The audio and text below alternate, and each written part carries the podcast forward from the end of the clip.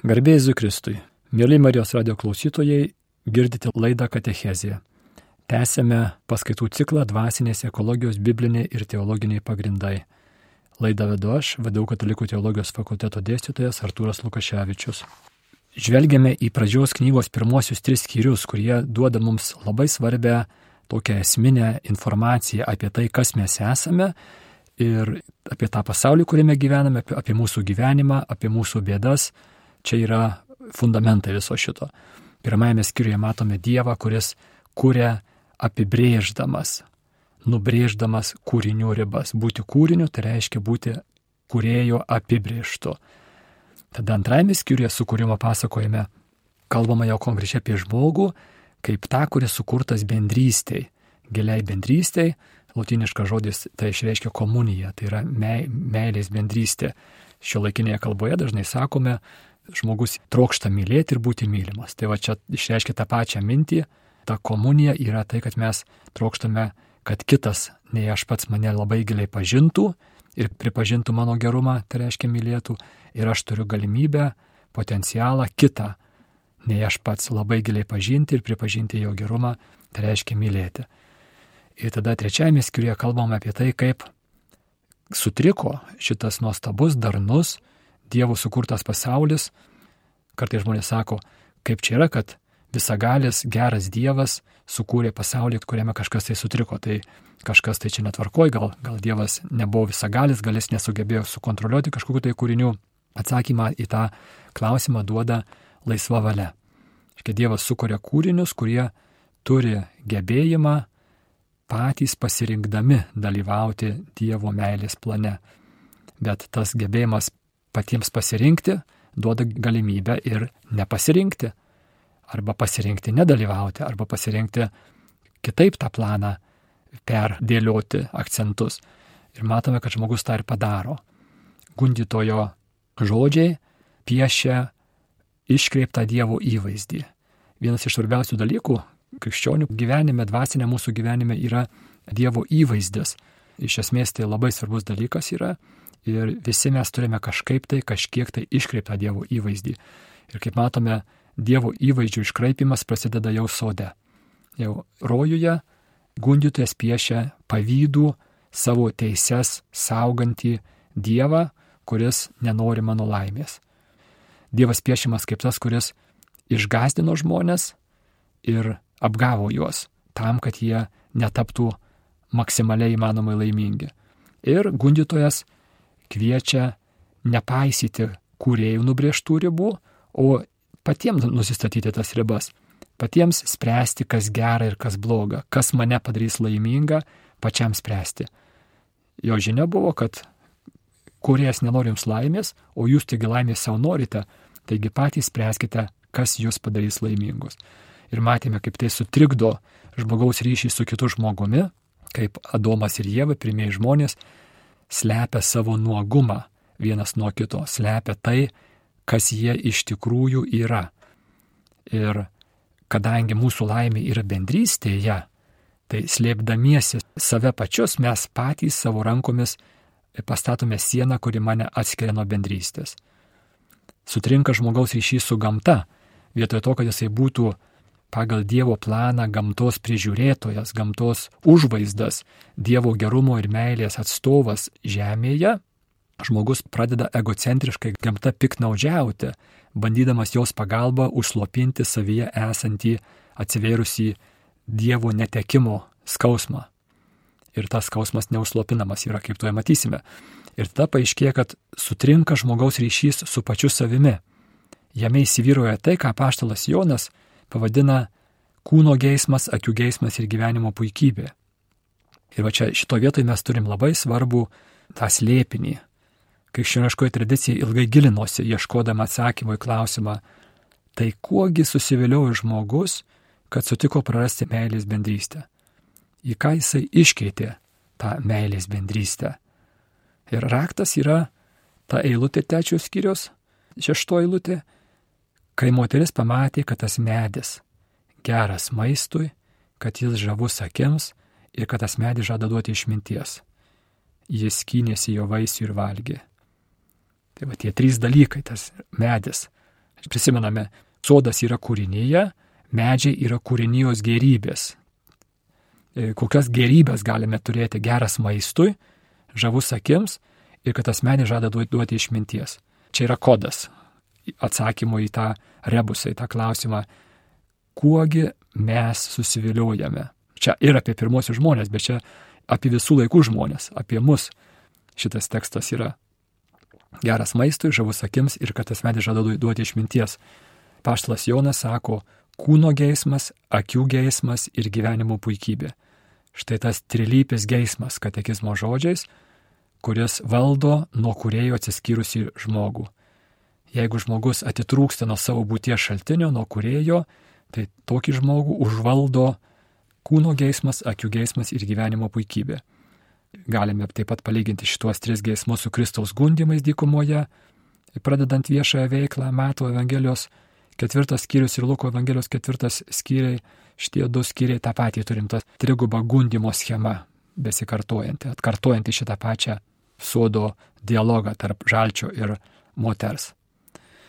Dabar jeigu mes pažiūrėsime į katekizmą, kaip jisai aiškina tuos tris geismus, mes pamatysime, kad visi trys geismai savo esmės stovi ant gerų ir teisingų dalykų. Kūno geismas katekizmams mums sako yra malonumai, įvairūs malonumai. Ir malonumai yra geris. Dievas mūsų kūrė su mūsų kūniška prigimtimi, turim jūslės, jausmus, pojūčius ir mes galime jais jausti malonius dalykus, skanius dalykus, visi, visi geri dalykai, skanus, malonus dalykai yra Dievo sukurti ir malonumai yra geri. Kartais irgi žmonės iš nežinojimo kažkaip įsivaizduoja, kad, kad reiškia malonumai patys savaime yra blogi. Tai čia būtų nekrikščioniškas požiūris, o dualistinis manicheizmas taip mokė, kad, kad reiškia materialus pasaulis su visais savo malonumais yra blogis ir mes turim kažkaip tai iš jo pabėgti. Tai krikščionybė sako, ne, materialus pasaulis yra geras, Dievo sukurtas, gražus, malonus ir malonumai yra geri. Visi malonumai. Ir klausimas yra ne, ar jie geri ar blogi, bet klausimas yra kiek jie. Pavyzdžiui, skanus maistas yra geras dalykas, bet jeigu aš to maisto valgysiu kokiu nors cepelinu, sakykime, vietoj dviejų cepelinų suvalgysiu 20, jie man pakenks. Aiškiai, ribos. Vėl tas raktinis žodis - ribos kas mano skrandį kūrėjas sukonstravo, jo riba, ribas nubrėžė štai tokio dydžio, į kurį tvarkingai, sklandžiai, sveikai telpa du cepelinai. Bet jeigu aš sakyčiau, ne, ne, ne, ne, man neužtenka dviejų cepelinų, man reikia 20 cepelinų, tai aš, reiškia, perbrėžiu ribas, aš pažeidžiu, kurie nubrėžtas ribas ir aš sakau, ne, man reikalingos kitos ribos. Tai čia būtų tas pirmasis gesmas malonumai. Visi malonumai skanus maistas, lytiniai santykiai, gamtos grožis, viskas yra malonu ir tai yra geras dalykas. Tai yra Dievo norėta, Dievo taip sukurta, kad mes jaustume malonumus savo ribose. Raktinės žodis yra ribos. Tada sekantis dalykas yra akių geismas. Katekizmas sako, tai yra turtas ir valdžia. Vėl kreipkime dėmesį, ir turtas ir valdžia yra geri dalykai.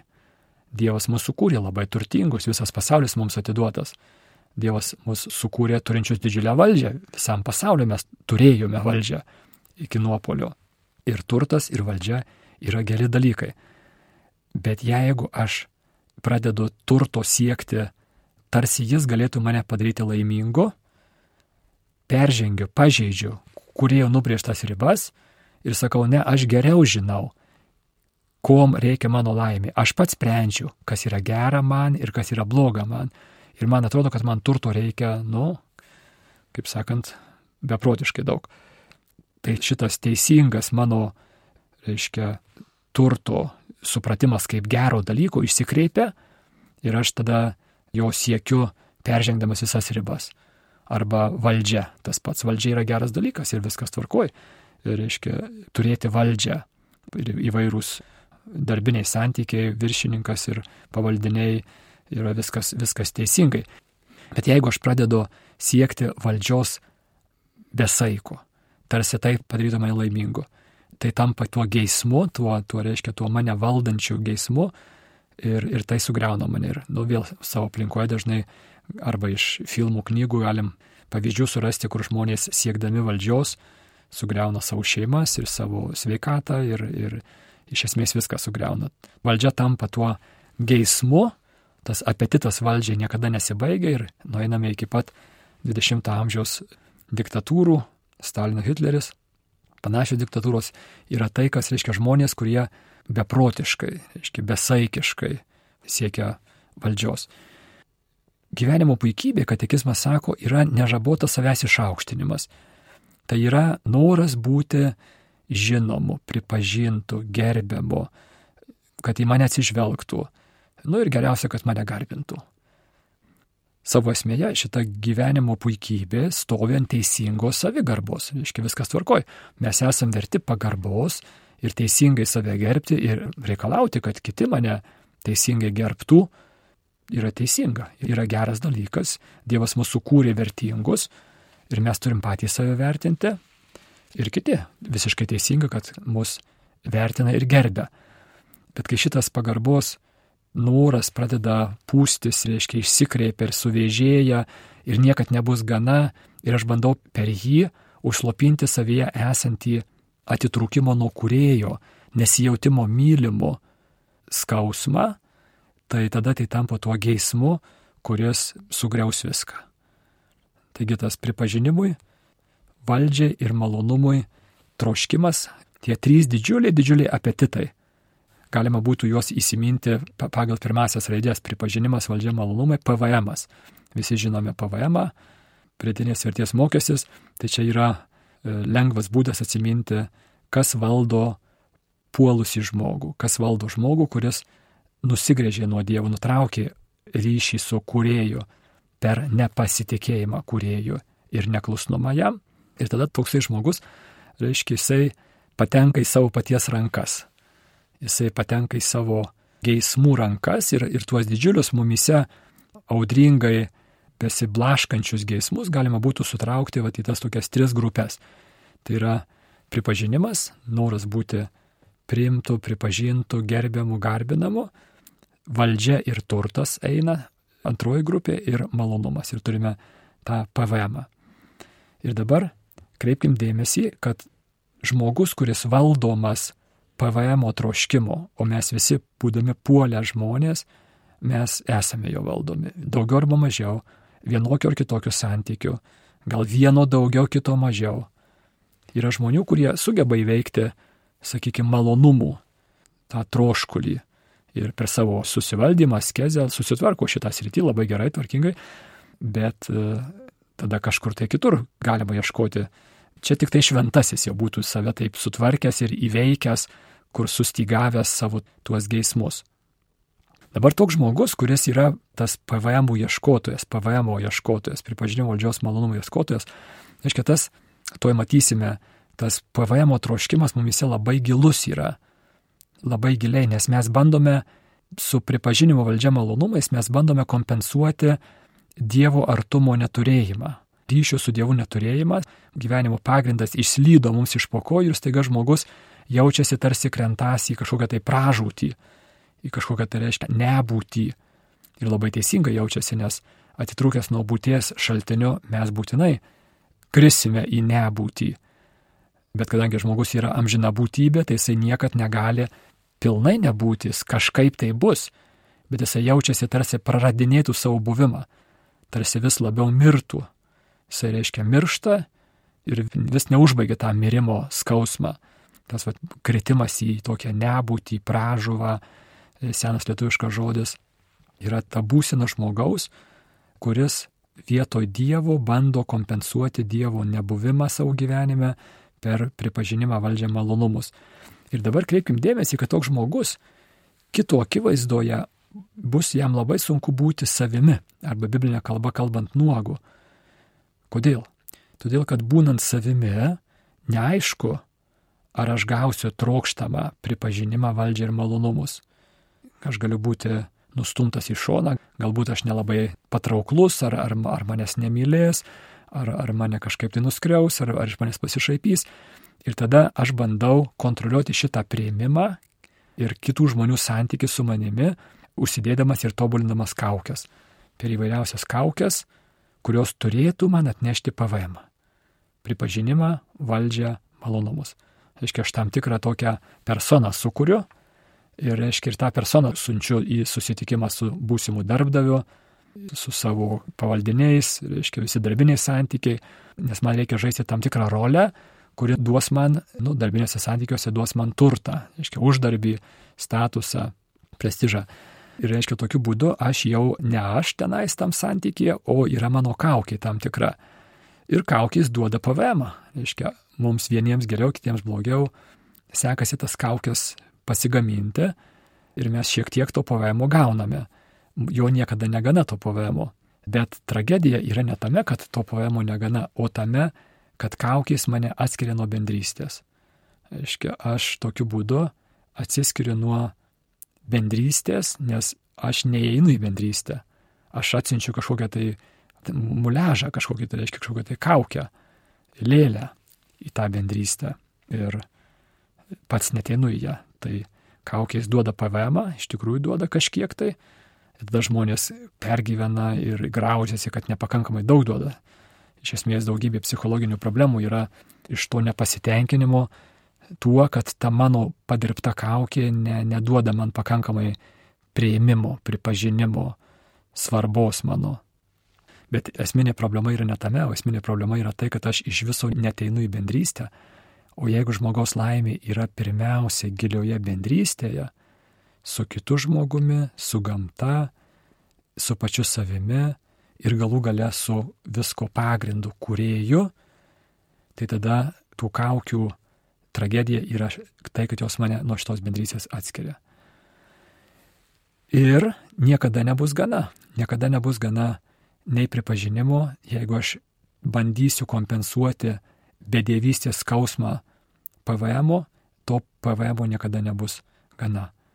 Ir nei turto, nei valdžios niekada ne, neužteks. Dauguma, žinote, tokį aktorių Jimą Kerry. Jisai Trumano šou, puikus filmas, rekomenduoju, kas nematėt. Kalėdų giesmė dauguma matėt, ne Briusas Visagalis ir kituose tokiuose geruose filmuose vaidina pagrindinį vaidmenį. Ir, reiškia, jisai vienoj kalboj, kurią jį pakvietė pasakyti 2014 metais e, vieno Junktinių valstybių gero universiteto, reiškia, absolventams užbaigimo kalba. Jisai ten svarbių dalykų pasakė. Ir vienas iš tų dalykų yra toksai. Sako, aš noriu, kad jūs įgyvendytumėt visas savo svajonės. Ir turtui, ir buvimui pripažintams. Ir jisai sako, štai, kai jūs įgyvendysite savo, savo svajonės turtui, ir pripažinimui, jūs pamatysite, kad, kad netame, netame žmogus randa savo pilnatvę. Jo žodžiai būtų štai tokie. Netame žmogus randa savo gyvenimo pilnatvę. Tikrai netame. Dabar noriu kreipti jūsų dėmesį į specifiškai sutrikusi santyki tarp vyro ir moters. Trečios skyrios devintoji lūtė viešpas Dievas pašaukė žmogų ir paklausė, kur tu. Jis atsiliepė išgirdau toje vaikščiantį sudė ir nusigandau, nes buvau nuogas, pažeidžiamas, atsimenat tą terminą, tą simbolį nuogumo, aiškinomės. Todėl pasislėpiau. Dievas jo klausė, kasgi tau pasakė, kad tu nuogas, gal valgy vaisių nuo medžio, kurio vaisių buvau tau įsakęs nevalgyti? Gal žmogau atsisakėjai mane laikyti ribų brėžėjų ir pats pradėjai perbražinėti ribas ir tada įsigandai, kad greta esantis žmogus jas irgi perbražys pagal savo egocentrišką sampratą ir gali tos ribos pažeisti tavo ribas. Ir tada tau tas kitas žmogus pasidarė pavojingas, ar ne dėl to tu savo pažeidžiamumą pamatai kaip grėsmę. Ir paaiškėja taip ir yra. Ir tada kreipkim dėmesį, ką sako vyras. Į klausimą, kasgi tau pasakė, kad tu nuogas, žmogus atsakė, moteris, kurią man davėjai būti su manimi, davė man vaisių nuo to medžio, aš ir valgiau kaip stipriai skiriasi šitas vyro požiūris į moterį, aiškia, kaltinimas nuo to ekstatinio džiaugsmo antros skyrios paskutinėse eilutėse, kur Adomas užgėda tą giesmę pagaliau. Kūnas mano kūno ir kaulas mano kaulo, tas bendrystės giesmė. Ir kaip jinai skiriasi nuo šito šalto kaltinimo. Štai moteris, ji kalta, aš nekaltas. Viešpas Dievas kreipėsi į moterį, kodėl tai padarėjai? Moteris atsakė, žaltys mane apgavo, aš ir valgiau. Vėlgi, kai vėliau žiūrėsime, kaip šitas sutrikęs žmogaus santykis su kūrinyje nueina iki priklausomybių, matysime, kad iš esmės visų mūsų dvasinių ir iš jų kylančių psichologinių problemų pagrindas yra atsakomybės neprisėmimas. Mes kaltiname greta esančius žmonės, aplinkybės, gundytoje ir mes neprisėmame atsakomybės. Be abejo, kad ir gundytojas veikia, dirba savo darbą ir kiti žmonės šalia mūsų yra netobuli ir nusidėjėliai, bet aš esu atsakingas už savo gyvenimo pasirinkimus.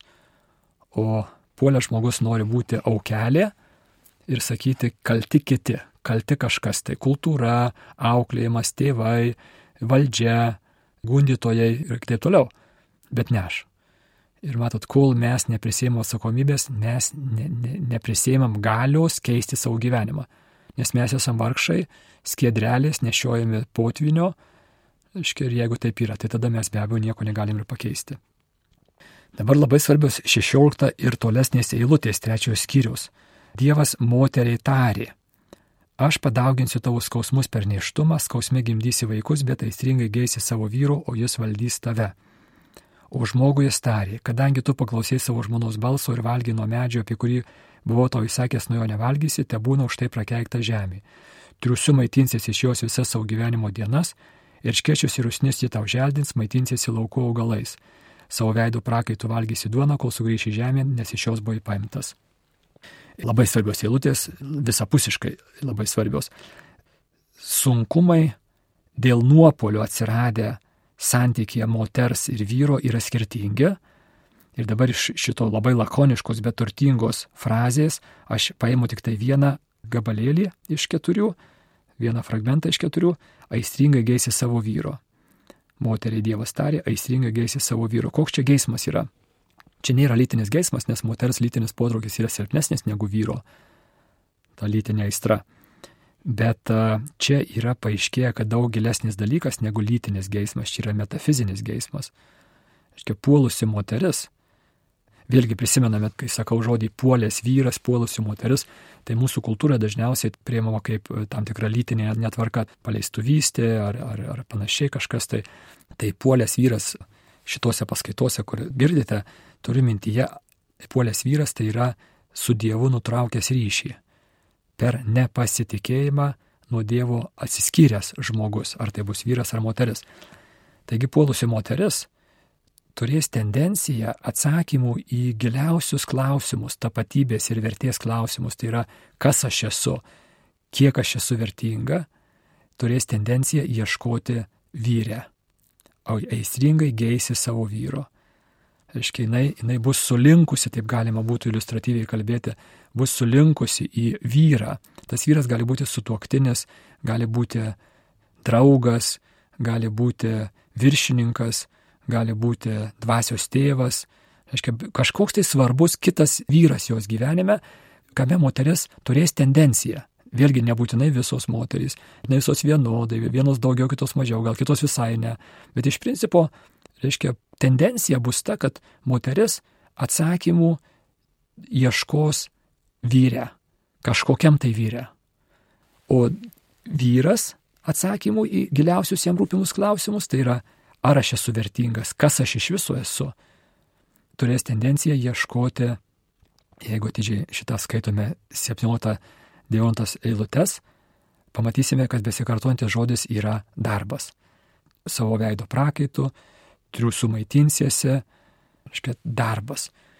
Darbas vietoj to, kad būtų džiaugsmingas bendradarbiavimas kartu su Dievu kūrinijos tobulinimo procese, tą, kurį matom antros skyrios 15 eilutėje, kai Dievas sukuria vyrą ir apgyvendina jį Edeno sode, kad jisai sodą dirbtų, sako mums šventasis raštas.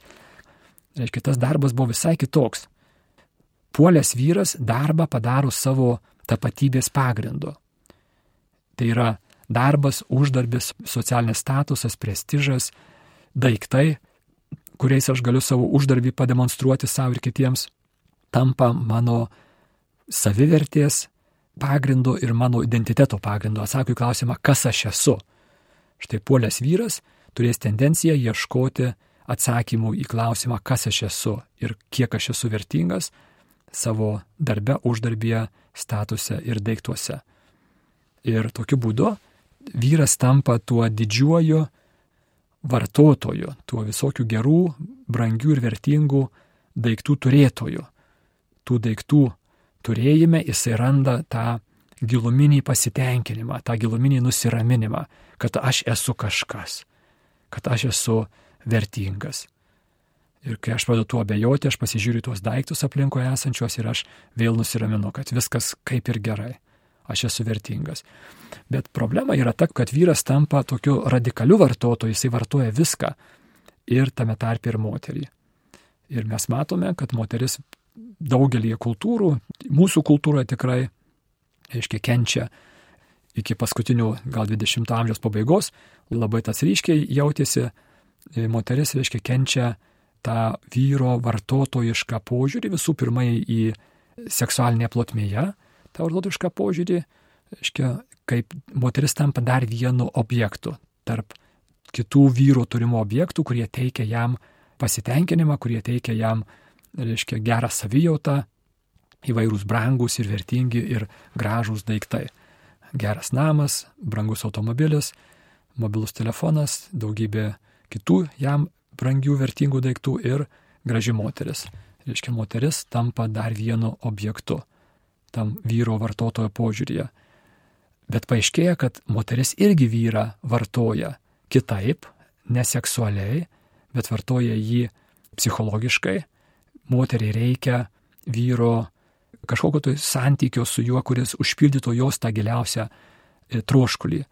Ir netgi tais atvejais, kai moteris tarsi, nu, šio laikiniam feminizme tą matome, tarsi reiškia, bando įsivaduoti iš priklausomybės nuo to vyro vartotojo, paaiškė, kad jinai niekur nepabėga nuo to, tik tai pro kitas duris į tai įeina.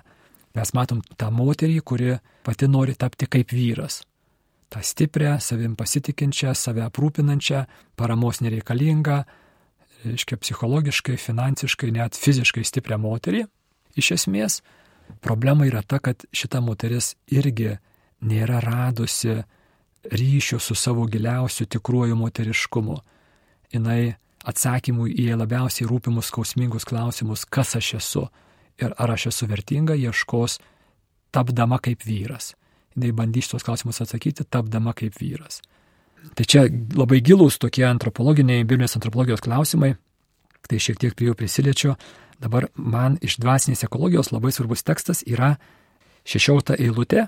Aš padauginsiu tavo skausmus per neštumą, skausmė gimdysi vaikus, bet aistringai geisi savo vyro, o jis valdys tave. Va visos šitos keturios frazės reikalingos didelio paaiškinimo.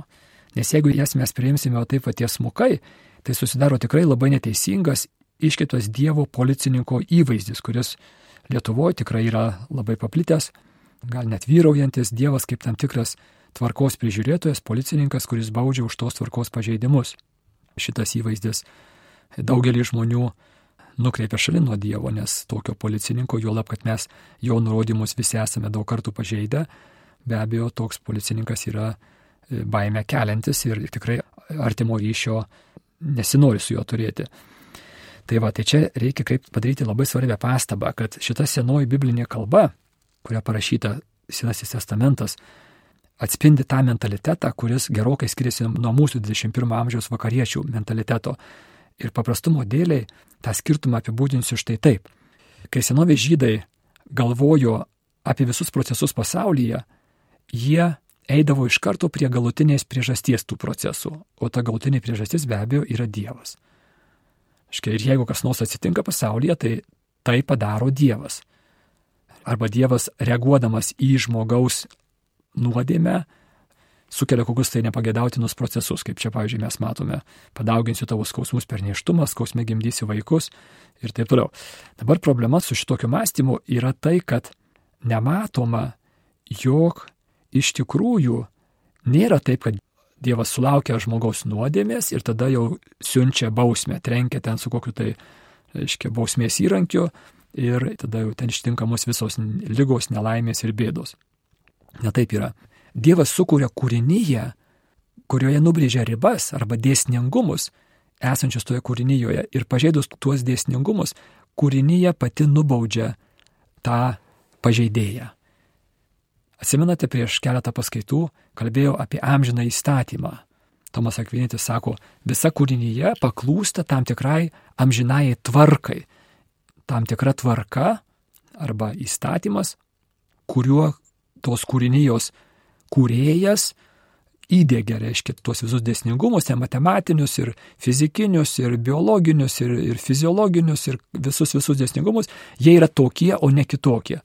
Ir jeigu laisvą valią turintis kūrinys, o iš visų kūrinių materialių tik vienintelis žmogus turi laisvą valią, jisai gali tuos dėsningumus nepaklusti jiems. Ir tada, pažeisdamas tuos dėsningumus, jisai iššaukia tam tikrą reakciją kūrinyjoje. Nu, labai paprastas dalykas yra, jeigu mes, tarkime, užteršime upę, tai ta upė, nu, turėsim užterštą vandenį. Iškia, mes tada negalėsim jo gerti, ar ten žuvys nesiveis, ir, ir, reiškia, ir, ir, ir kvapas bus blogas, ir, ir maistų netiks ir taip toliau. Tai va, arba tarkime, mūsų materialus kūnai yra gamtos dalis. Ir jie turi tam tikrus dėsningumus, mano skrandyje telpa du cepelinai, bet jeigu aš pažeisiu tuos dėsningumus ir suvalgysiu 10 arba 20 cepelinų, mano skrandis sureaguos. Panašiai kaip užlipus ant grėblio aš gausiu į kaktą.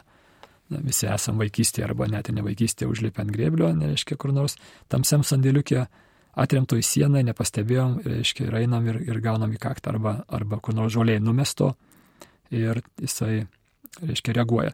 Tai pati kūrinijos tvarka reaguoja į pažeidimą. Tai va čia labai svarbus dalykas yra pamatyti, kad kūrėjas, kūrėjas bausmių nedalina. Per nuodėmę nusidėlis nubaudžia patį save. Aiškiai, pačioje kūrinijos tvarkoje esantys dėsningumai reaguoja į jų pažeidimus taip, kad, kad aš, kaip sakant, užlipęs ant greiblio gaunu į kaktą. Kas kaltas, kad aš gavau į kaktą? 21 amžiaus vakarietis sakytų, pats, aš užlipau, neatsargiai jau, užlipau ant grėblio ir gavau į kaktą. O senovės žydas sakytų, o kas sukūrė tokią tvarką, kad užlipus ant grėblio tas grėblys guzau stato. Aha, kuriejas su, sukūrė tokią tvarką, tai kuriejas padarė, kad aš gavau į kaktą. Tai va čia būtų senovės Biblijos kalba kalbant. Ir Dievas padarė, kad žmogus, užlipęs ant grėblio, užsistatė guzą. Tai, va, tai va čia, meškim, akcentai sudedami skirtingai. Senovės žydas sakytų, žiūrėkime į pačią galutinę priežastį ir tai yra Dievas, kuris sukūrė tokią tvarką. Taigi Dievas padarė, kad gavau guzą, o 21 amžiaus vakarietės žiūrėtų į tarpinės priežastis ir sakytų, aš pats neatsargiai lipau per žolę ir užlipęs ant grėblio, reiškia, gavau guzą. Tai yra labai svarbus dalykas, nes šiandien vis dar daug žmonių mano, kad Dievas yra toksai, nu, iš aukštai žiūrintis prižiūrėtojas, viską matantis ir dalinantis bausmės. Galėtų jų ir neduoti, bet jisai jas duoda. Tai va čia labai klaidingas požiūris, labai iškreiptas Dievo įvaizdis. Iš tikrųjų yra taip, kad Dievas sukuria tokią tvarką kūrinijos, kurią pažeidus pati kūrinė nubaudžia pažeidėją.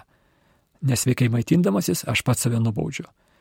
Kūrėjas mano kūną sutvarko pagal tam tikrus dėsningumus, kurių nesilaikydamas aš pats save nubaudžiu ir, reiškia, ir pakenkiu savo kūnui. Tai va čia reikia labai šitą padaryti svarbią pataisą, nes paskui galim, nu, visa krikščionybė labai išsikreipia ir nuodėmės samprata, kurią turim labai iškreiptą, ir Dievo galestingumo samprata labai, reiškia, priklauso nuo to teisingo Dievo įvaizdžio. Tai va šito vietoje reikia pasitaisyti, kad Dievas bausmių nedalina, per nuodėmę nusidėlis nubaudžia patį save. Aiškiai, nuodėmė yra kaip užlipimas ant to grėblio. Ir Dievas įspėja, sako, nelipk ant grėblio. Štai ten guli grėblys, bet aš lengvabūdiškai, ar, arba sakau, ne, aš pats sprendžiu, kas man gerai, kas bloga, aš pats geriau žinau, aš tavim Dieve nepasitikiu, sako nusidėjėlis, ir užlipa ant grėblio ir gauna į kaktą. Reiškia, pati kūrinyje reaguoja į joje esančių dėsningumų pažeidimą. Na ir šitą vietą galime pereiti prie sekančio etapo, tai yra pažiūrėti, kaip tas ribų pažeidimo procesas e, plėtojasi manyje, kaip mano tą dvasinį organizmą, kaip sakiau, žvelgime į žmogų kaip dviejų organizmų tokią vienovę sielos ir kūno vienovė. Kūnas yra fizinis organizmas, materialus, ir siela yra dvasinis organizmas. Ir sieloje ir kūne yra tam tikri dėsningumai. Yra amžinojo įstatymo kaip Tomas sakytų, tie dėsningumai besireiškintys ir materialiojoje visatoje, ir dvasinėje visatoje. Mes mažai žinom apie jas, bet šiek tiek žinome apie dvasinę visatą. Tai o kadangi žmogus yra abiejų visatų dalis, mes per savo fizinį kūną dalyvaujame materialioje visatoje ir per savo sielą, dvasinę sielą dalyvaujame ir dvasinėme pasaulyje. Ir tame ir tame pasauliuose yra tam tikri dėsningumai ir mums galioja tie dėsningumai. Tai dabar žvelgsime, kaip, kaip tas ribų peržengimo veiksmas, kurį mes vadiname nuodėmė, tampa ribų peržengimo įpročiu arba ribų pažeidimo įpročiu, kurį mes vadiname įda. Atsimenate, įda yra blogas įprotis. Blogas veiksmas tapęs įpročiu jau yra įda. Ir paskui paaiškėja, kad toliau šitą blogą veiksmą kartojant, jau įpročių tapusi įsivysto kai kuriais atvejais, truputį pažiūrėsiu, kuriais atvejais įsivysto priklausomybė. Tai yra ribų peržengimo jau poreikis. Priklausomybė yra poreikis tą veiksmą atlikti. Kodėlgi mes iš viso darom tą ribų peržengimą? Todėl, kad per ribų peržengimą mes gauname dozę, tai būtų galima sakyti, pripažinimo valdžios ir malonumų. PVM mes gauname tas PVM gavimas duoda tam tikrą, tam tikrą, reiškia, vidinę gerą savijautą. Vėlgi kreipiam dėmesį, kad tas PVM pripažinimas valdžia malumai nėra blogi. Blogis yra, kai aš jų noriu per daug, daugiau negu man priklauso. Tada jie tampa destruktyvūs geismai.